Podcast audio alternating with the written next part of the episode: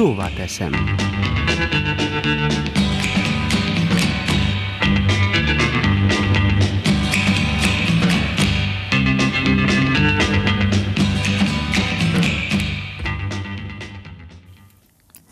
Jó napot kívánok a kedves hallgatóknak!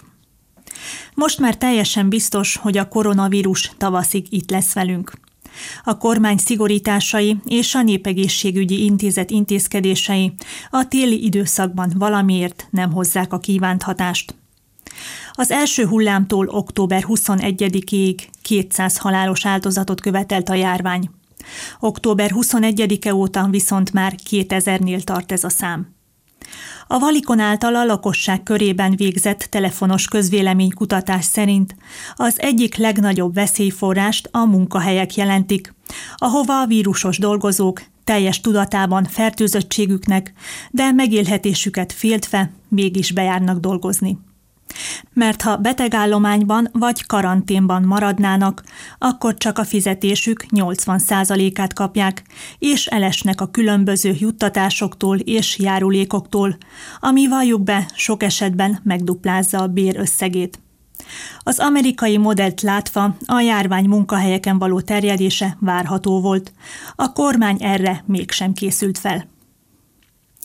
A járvány terjedésénél nem utolsó szempont, hogy az emberek elvesztették a kormányba vetett bizalmukat. Az ugyanis kihasználva a rendkívüli állapotot, a háttérben lassan leépíti a jogállamot és a demokráciát, maga alá temeti a kultúrát, a szabad sajtót és mindenkit, aki bármiféle kritikával illeti, s mindeközben kitömi a saját zsebét.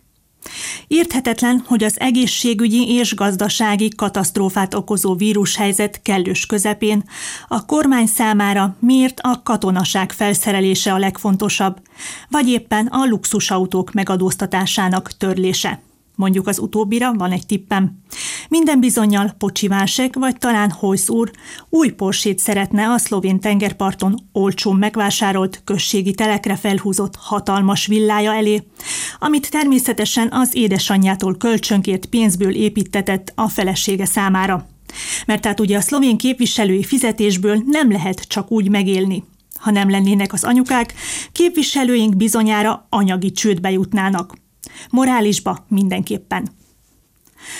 Visszatérve a katonasághoz, amelyre 780 millió eurót kíván fordítani kormányunk. 780 millió eurót. Egy olyan ember irányítása alatt, akit legutóbb pont egy ilyen jellegű korrupciós botrány fosztott meg a hatalmától. Egy olyan ember kormánya alatt, aki naponta több tucat gyűlöletkeltő és úszító üzenetet posztol. Egy olyan ember kormánya alatt, aki autókrata vezetőket tekint példaképnek. A koronavírus járvány rávilágított a jelenlegi rendszer hibáira és gyengeségeire.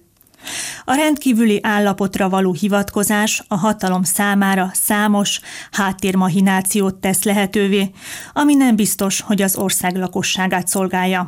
Sokkal inkább egyéneket és bizonyos köröket, ez pedig hosszú távon semmi jót sem jelent.